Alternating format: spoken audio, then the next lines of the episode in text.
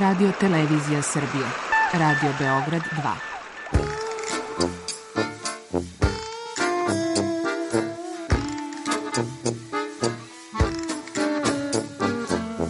Rekli su mi, gospodine, vi ste promašili temu. Pa ja sam onda promašio život.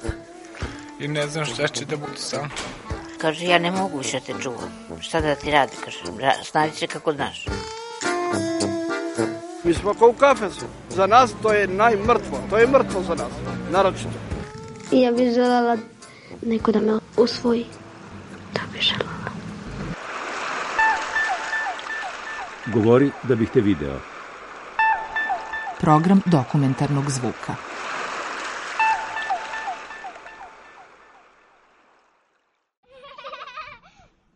Kiša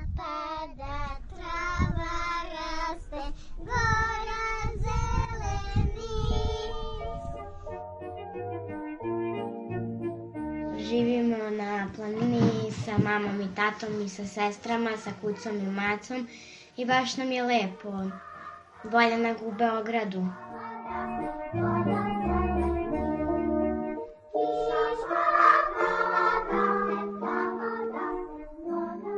Od kako smo Filip i ja e, zajedno, znači to je već 15 godina skoro. Ove, mi smo nekako od samog početka, dok smo bili mladi i zaljubljeni, ove, razmišljali o tome da imamo neku kućicu negde, nije bitno gde, reka, planina, sojanica, zemunica, koliba, uopšte nije bilo važno u tom trenutku, ovaj, da, da budemo negde blizu prirode ili u prirodi i da vodimo tako neki život i to je u tom trenutku bila naša mašta i naša ono neka neostvarena želja, ja? I godine su prolazile i onda smo nekako u tom traženju sebe gde smo, šta smo, ko smo, počeli da se bavimo nekim praksama koje su podrazumevale, da kažem, i čišćenje unutrašnjosti našeg dvorišta, naše kuće, ali u isto vreme i neko čišćenje iznutra nas samih. Pa smo tako krenuli da učišćavamo neko staro gvožđe, da recikliramo to, pa smo sa tim novcem od prodaje tog starog gvožđa išli na, na letovanje, na krv, pa smo onda počeli da recikliramo plastične flaše, pa smo onda krenuli da odvajamo ovaj organski otpad uh, na kompost i tako je nekako sve to uh, išlo, da kažem, nismo ne, sa nekom posebnom svešću sve to radili, da kao imamo neki neki cilj zašto sve to radimo, to je više bilo onako instinktivno, po osjećaju smo to radili i u stvari sve to, sve to vreme smo se negde tražili i šta je to što mi hoćemo, što želimo, čemu težimo, koji je to naš put. Da li je ovo eksperiment, naš prelazak na selo? Nije. Pravi eksperiment smo mi osetili kada smo živjeli u Beogradu, gde, gde je vazduh i voda su bili usmereni protiv čoveka i onda nis, ne možeš da dišeš više, ne možeš da se osjećaš ni slobodno, kad ti, kad ti vazduh i voda, kad su ti ukinuti, kad jednostavno se osjećaš nemoćno. I onda ta ti drugo preostaje nego da poslušaš svoju savest, svoju neku logiku, intuiciju. U stvari ja intuiciju smatram kao jedno pravo iskustvo koje stekneš kroz, svojih, kroz svoje godine života I, ovaj, i sam taj eksperim, eksperimentalni život u Beogradu ja nazivam životarenje, jer tamo se nismo osjećali srećnim. To je stvari proces koji mnogo dugo traje. Naravno da tu ima uticaja i vaspitanje i nauk i poruka naših roditelja, samo ti radi kako treba, uči, budi dobar, bit će sve u redu i onda prošlo je 5, 10, 15, 20, 30 godina, ništa nije bilo u redu i onda shvatiš da ako nastaviš da živiš po, po nekim merilima sistema, da jednostavno će te to odvesti tamo da sistem hoće da budeš radilica, da svaki dan se voziš autobusom, da jednostavno ne može da utičeš na stvari koje, su, koje te okružuju i koje te čini zdravim ili bolesnim i da si prosto nemoćan. I onda dođeš u šumu i što ti kažeš, abstraktna je ta ljubav prema prirode, u stvari se najbolje osjeti kroz organizam, kada ti osjetiš olakšanje, kada uđeš u šumu i nekako se osjetiš kao kod svoje kuće. Ne znam da li, da li je to svima bitno da se lepo osjećaju kod svoje kuće. Meni je recimo jako bitno da se tako osjećam, jer onda drugačije reagujem, drugačije ovaj, drugačije se ponašam. Čini mi se da se ovde ponašam kao pčela uh, u šumi, odnosno ovde gde živimo, a u gradu sam se osjećao kao neka osa. Mušica. Pa nije ni mušica, više kao osa koja možda bude korisna, ali samo ubada. A ovde sam baš kao pčela, idem tamo, idem vamo, skupljam, dovlačim i na kraju pao je sneg i sad smo mi u kući, lož, ložimo vatru i lepo nam je.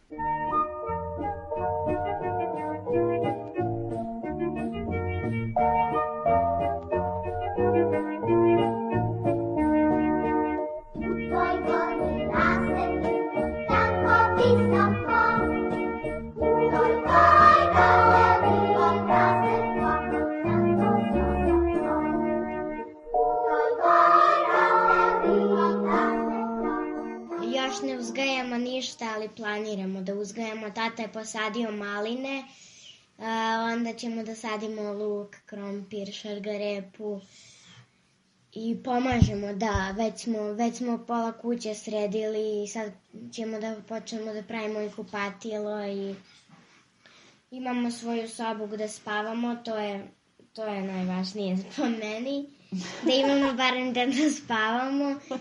Imamo šta da jedemo, imamo gde da živimo, lepo nam je ovde. I drugari iz sela, mislim, mamini, tatini, naši, veliki. A, oni, oni isto se sa njima dobro slažemo i imamo jednog beca od godinu dana, on se, on se rodio tamo u selu, nije se rodio ni u bolnici, nego kod kuće i mnogo, mnogo je sladak i dobra beba. Super bebac. Da. Zavoleo je moju najmlađu sestru, igra se sa njom. Čupa je kosu s glave.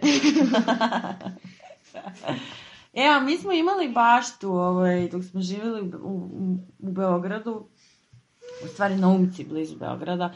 Imali smo par godina za redom, uzgajali smo našu hranu ovaj, i inače smo se bavili tako nekim održivijim praksama življenja.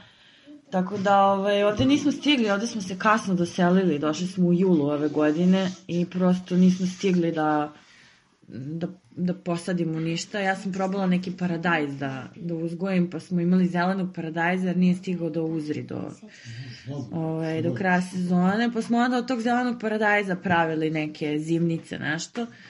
Ali da, definitivno je plan ovaj, uh, uzgod bašte, već smo pripremili zemljište za, za proleće, za setvu, tako da to jeste suština života ovde, da budeš što održiviji, da proizvodiš svoju hranu, da ne zavisiš toliko od uh, konzumacije i kupovine proizvoda ovaj, i to je to. Nije svaki grad loš. Ovaj, Beograd je, nije zdrav grad. Nije ni svako selo zdravo. Mi smo pobegli iz našeg sela zato što nije zdravo, zato što ljudi tamo sipaju otrove u vodotokove, u zemlju i to je njima normalno. A ima gradova koji su zdravi. Imamo mi drugari u inostranstvu gde se vozi bicikla, da se živi zdravo, da se diše. O, to nije ovaj grad gde, to nije grad gde mi možemo da odemo ili želimo. Zato smo izabrali selo ko, koje ne imenujemo jer ne želimo da dođe ovde, da, da dođe do beogradizacije, zlatiborizacije, totalizacije, ne znam ja. Baš nam je bitno da, da imamo bazu koja je zdrava, i dakle možemo da, da šaljemo zdravu decu i jednog dana zdrave ljude u svet, koji će, ko, koliko shvatam, da se promeni u smeru da ga više ne vode ljudi koji nisu svesni šta se dešava oko njih, nego su svesni nego će biti svesni šta će se dešavati za 50 godina. Sad je ovo ona priča ekologija, svi smo već zasićeni njome, mislim, to je kao da je to i poenta, da se svi zasitimo i da nam više nije ni bitno. Ovaj. A, mi smo o ovoj temi odlaska a, razmišljali kroz maštu, znači mi smo pričali o tome, nismo ni sanjali da tako nešto uopšte može da se desi. I ovaj, onda, onda nekako je cijela ta priča o održivosti krenula da se razvija malo pre nego što je COVID zarobio ceo svet, pa i nas u Srbiji. I naša ideja je bila da nastavimo sa putovanjima ovaj, van zemlje, da kampujemo na divlje po plažama i da obilazimo ovaj, Grčku i Grčka ostrava i Mediteran generalno, međutim COVID nas je zarobio i ovaj, onda smo rekli ok, hajmo onda da po Srbiji ovaj, da lunjamo i da obilazimo i da vidimo da li postoji tu neko parče zemlje i neba koje je za nas. To je bila nekako onako abstraktna ideja naša i tako je sve počelo i onda je bukvalno sled događaja e, ta otvorenost naša ka tome, ja mislim da je dovela do toga da nam kosmos pošalje sve ovo što sada imamo. I da, da, da, da nam dozvoli da kuća u kojoj sada živimo, koja je naš dom, ovde na planini, da, da bude, da izabere nas.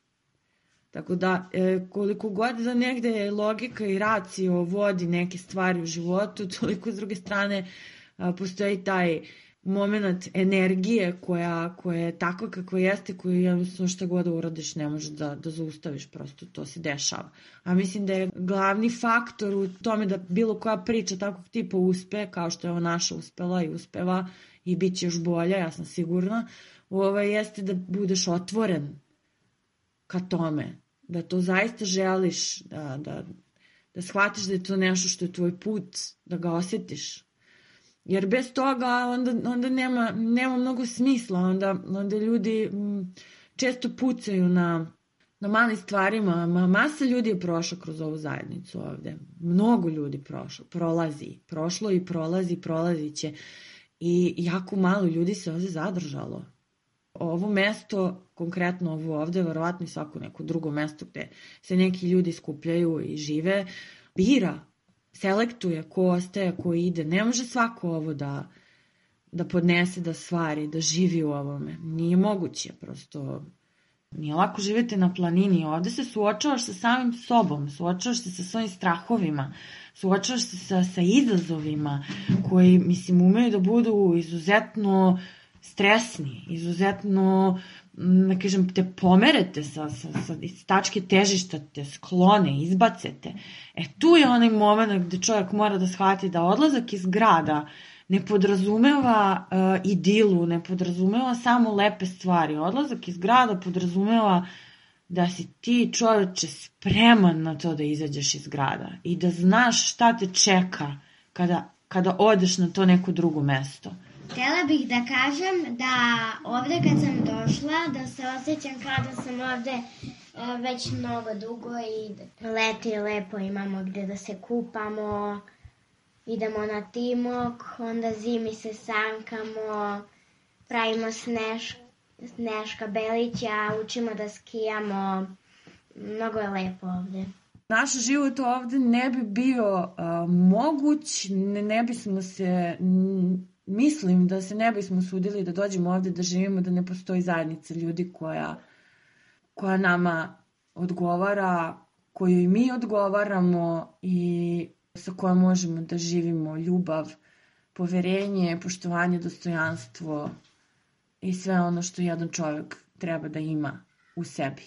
Svi članovi ove naše zajednice, male ali jake, su živjeli u velikim gradovima, pa su onda preselili na selo, pa su onda shvatili da, da tu mora nešto da se ovaj, drugačije struktuira, samo na tom nekom mikronivou, u smislu koliko domaćinstva treba tu da bude, koliko će, ko će s kim da živi, koliko je ko mogućnosti koga da trpi ili šta da radi, jer pravimo zajedni, zajedno pravimo neku tradiciju, možda staru, novu, u kojoj će se ovaj opet vrednovati te individualnosti, ali u smislu da ti kao individua i kao neki zanatlija, kao neki stolar, pčelar ili šta ti ja znam, orezivač voća ili psiholog ili šta, bilo šta što, što možeš da radiš i da doprineseš svojoj porodici i sebi, da pomogneš i našoj zajednici, a da u isto vreme kako raste tvoj nivo znanja i tvoje sposobnosti, da, da, da zajednica ti pomaže da,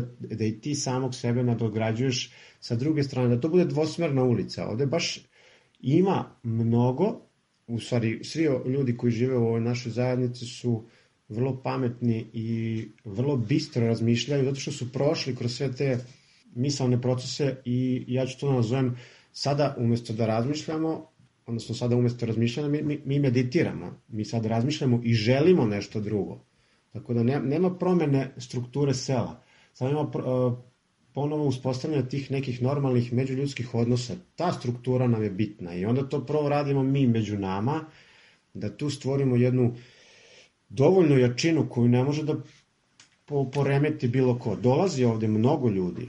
U ovoj zajednici ne treba reklama ovde na godišnjem nivou, čak i po najgorem vremenu i po najljepšem vremenu i po ne znam kako da drugačije da opišem. Znači, svakodnevno i tokom cele godine dolazi mnogo ljudi ko, koje put nanese ovamo ili su pozvani.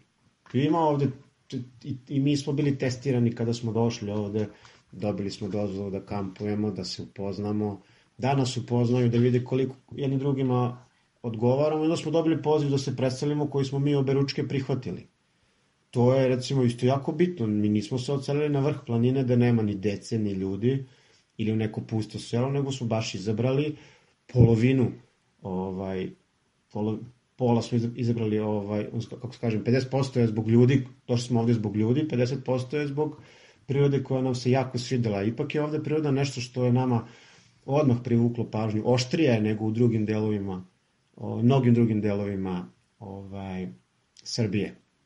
A ova zajednica će da opstane i opstaće, ne treba nam reklama, ali zato nam ne treba ni religija, ni politizacija, ne treba nam ništa, treba nam jedan Nema ideologije, e, jednostavno samo ljudskost na Ne, delu. ima ideologije, ima raznih ideologija Pa ovde. to, ali i nema religija, jedne u tom ali smislu. nema vodeće stvari koja je, da. pravi problem, kao što svuda u svetu Da. religije prave problem. Me- Nama je ovde prava jedina religija je priroda. Ovde.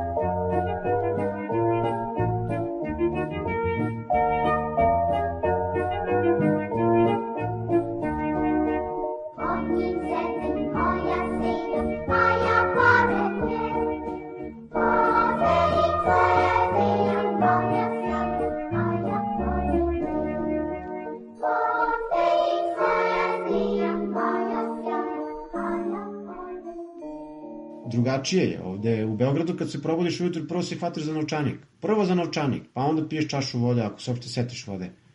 A ovde ustaneš, prvo popiješ čašu vode, pa doručkuješ, pa kreneš da obaviš 300 stvari koje, za koje nema, nema ko da ti uradi, moraš sam. Ili želiš sam. Ja dosta recimo štedim time što radim sam stvari koje u Beogradu nisam mogao. Šta ja znam, od, od svega ne kupujemo povrće, ne, ne cepa nam niko drugi drva, ne stiže nam gas preko cevke, nego sam cepam drva, sam ih dovlačim, skupljam. Znači svakakve sve stvari koje, gde mogu da uštedim, ja to radim, a postoje ovde sezonski poslovi i stvari neke, neki ovaj, tok života koji ovde postoji već desetak, 15 godina i mi se njemu prilagođavamo, u stvari više ja, dok recimo glavni glavni put koji mi želimo da idemo je odvajanje od potpuno od sistema u smislu rada od 8 do 4, od 9 do 5 i tako dalje. A ti sezonski poslovi su uvijek tu da kad, kad je kad je vreme ove, da se zaradi neki novac i da se onda ostatak godine provede u nekim drugim poslovima. Bar ja tako planiram. Ja, ja se bavim biljkama i tek ću se baviti biljkama i to je moja želja. Na razno razne načine. Znači, uopšte neću da kažem da ću biti orezivač ili ću biti boštovan ili ću biti šumarski inženjer ko što jesam, nego ću se baviti biljkama jer vidim da to da mi to ide i to želim i to me smiruje i daje mi svrhu. Zdrava hrana na mom stolu za moju decu i moju porodicu i a sad malo Marija. Pa ja moram da priznam da sam ja prošla sve stadijume egzistencije dok smo živjeli u gradu. Radila sam u velikoj korporaciji, radila sam u malim preduzećima, u porodičnim firmama, preko omladinskih zadruga, kao honorarac, tezge, gaže, kafići, restorani, banketi, sve sam to prošla. I imam već 16 godina radnog staža. E, I onda sam 2019. ostala bez posla. Odnosno, pardon, 2020. baš pre nego što je COVID počeo u Srbiji, pre nego što su nas e, zatvorili. Ove, ja sam ostala bez posla. Prvi put u životu sam ostala bez posla. I to je bio onako jedan ogroman, ogroman pad tereta sa mojih pleća koliko god da to ovaj, kontradiktorno zvuči, ja sam u stvari u tom trenutku kad sam ostala bez posla, postala slobodna.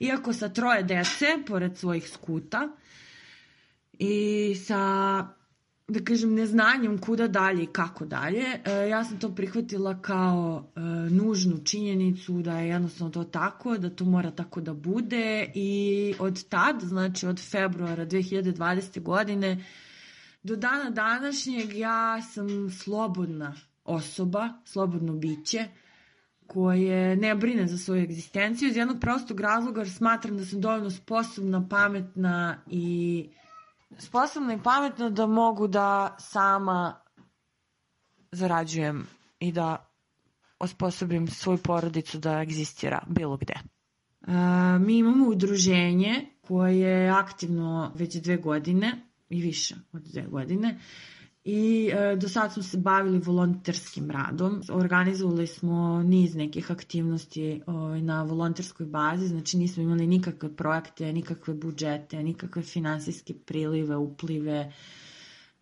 imali smo dosta saradnji, sarađivali smo sa gomilu inicijativu udruženja neformalnih grupa iz Beograda koje su sada e, jako aktivne po planu zaštite životne sredine, I dosta iskustva i dosta veština smo stekli za to vreme dok smo volontirali kao udruženje i dok smo radili društveno korisne stvari, organizovali akcije čišćenja, akcije pošumljavanja, edukacije, rad sa vrtićima, sa školama, svašta nešto je tu bilo ovaj, u opticaju.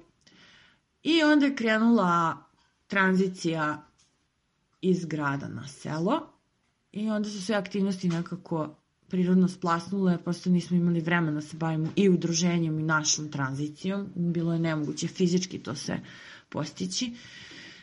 I ja sam sada krenula da radim radionice koje se zovu hodanje po zemlji za početnike i ponavljače, koje se bave održivošću, održivim načinom života I negde cijela ta priča oko praktičnosti koju si ti sada pomenula kao ovaj, e, temu e, jeste u stvari da mi preko udruženja nastavljamo dalje naše aktivnosti s tim što sada više ne želimo da radimo volonterski, želimo da za ono što mi imamo da ponudimo ljudi to shvate kao dar za koje će donirati određenu svotu novca sa kojom ćemo mi dalje moći da funkcionišemo, da platimo internet, da kupimo semena za baštu, da nabavimo nešto što nam je potrebno za, za našu održivost ovde na planini, dakle nešto što je u vezi sa ganje hrane, nešto što je u vezi sa energetskom efikasnošću, nešto što je u vezi sa da kažem, generalno životom ovde. I to je način kako sada trenutno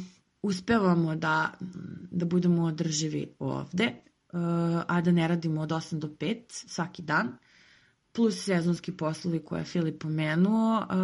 Ono što je naš motiv boravka na planini, između ostalog, između svih ostalih motiva jeste skromnost. Krenuli smo, tu nam zemlja, tu nam izolit, potreban alat. Idemo ka bašti, a spremili smo seme koje nemam pojma gde sam ostavila. Moram da ga nađem sad. Evo ga. Imamo izdriljeno parče zemlje. Napravimo brazdice u koje ćemo da posadimo arpađik. Ja se uvijek zafrkavam, kažem, nekad su deca išla kod babe i dede na selo. Ovaj, sad naša deca će idu kod babe i dede u grad. Ovaj, tokom letnjeg raspusta, mislim, ako ih pustimo. Ja sam se već pripremio jer um, neću da silim. Mislim da dvoje od troje naše dece ne vidi sebe na selu. Barem sa svojih malih 5 do 7, 8, 9 godina koliko imaju, ne vidi sebe na selu i to je normalno. I to je super. Ne vidim ja, ja sebe, pa ne vidim ja sebe ovde svaki dan, ceo dan do kraja svog života. Ja vidim sebe i u raznim drugim delovima planete, bliže ili dalje. Ova deca se izjašnjavaju sad upravo da, da vide sebe ovde. Delo svog života, to je normalno. Ja već vidim sebe kako jašem konje. Kako jašeš konje? Da. da, moramo da kupimo ja konje. Vidim sebe, ja vidim sebe kako masiram. Kako masiraš? Da. Mm, konje. I ja sam smislila masiram konja. Šaptač konja. Da, postoji, postoji veliki nivo ovaj, tuge ovde koji vidimo u najtvrdokornijem svoju ljudi, to su starci od nekih 60, 70, boga mi 70 godina, kojima su deca ovaj, daleko, pogotovo starci. Nekako bake manje, odnosno, mislim na muškarce. Bake to drugačije, ne znam, teško, valjda u sebi to, to guše, a starci se i izjedaju malo, malo pa kažu, fali nam ovaj, fale nam deca, deca su im blizu, na 20, 30, 40 km odavde, ali jednostavno taj način života u gradovima ti ne dozvoljava. Nama svaki dan prođe komšinica Verika, donese nam, do pre mesec dana donose nam svaki dan po kilo dva krompira. I čeka svoju čerku da dođe, koja živi 30 km odavde. Ona nema vremena da dođe. Ne može, kaže, radi kod privatnika. Ja shvatam da sam ja uradio isto to, da ću jednog dana doći u situaciju gde, gde ću čekati svoje dete da dođe ili neću. I mirim se sa situacijom da svako ima pravo na svoj život, a makar on ne bio ovde. Ja sebe vidim ovde dobar deo godine. Nije, nije nešto što, što je eksperiment. Da ću, ja, ja neću odavde otići, nego ću, neću biti ovde zaboden i čekati kao drvo da me obiđu deca. Nam je bilo važno da dovedemo decu dok su male, da dišu čist vazduh, jedu zdravu hranu, piju, piju čistu vodu, da ne budu bolesne, da ne budu, da im zdravlje ne bude narušeno. I njihov put će biti kad odrastu dalje, ono što ovaj, njih bude činilo srećnim, mi ćemo ih podržati, naravno sve ono što njih neće ugrožavati ni na koji način.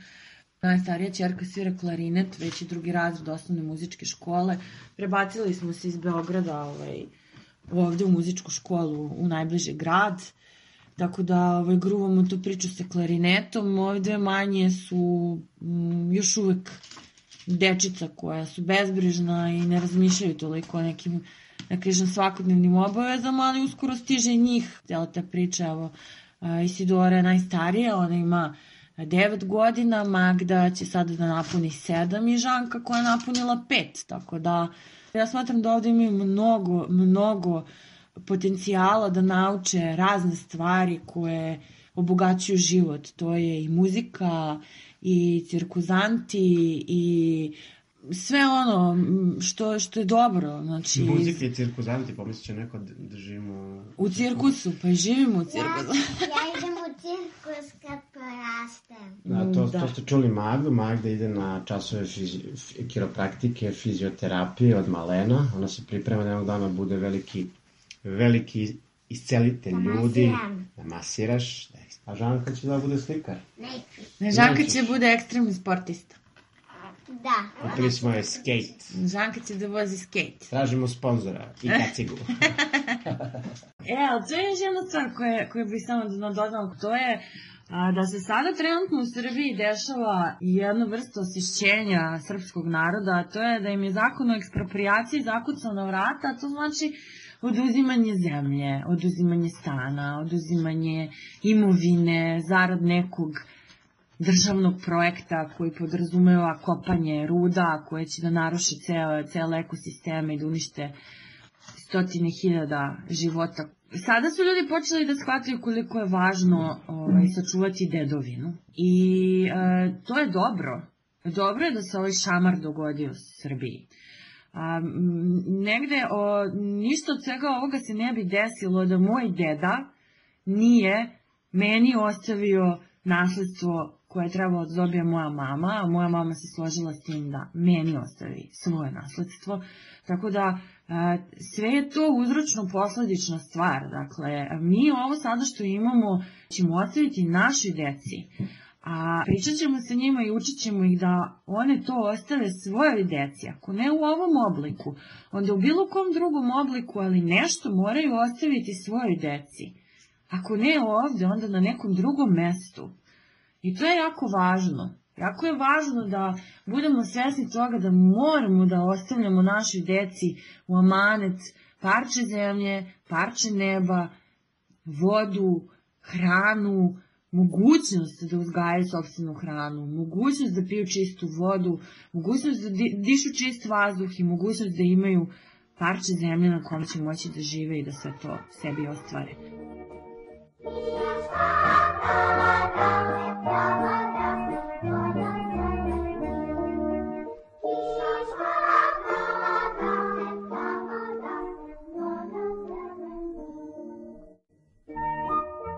današnjoj reportaži govorili su Marija, Filip, Isidora, Magda i Žanka.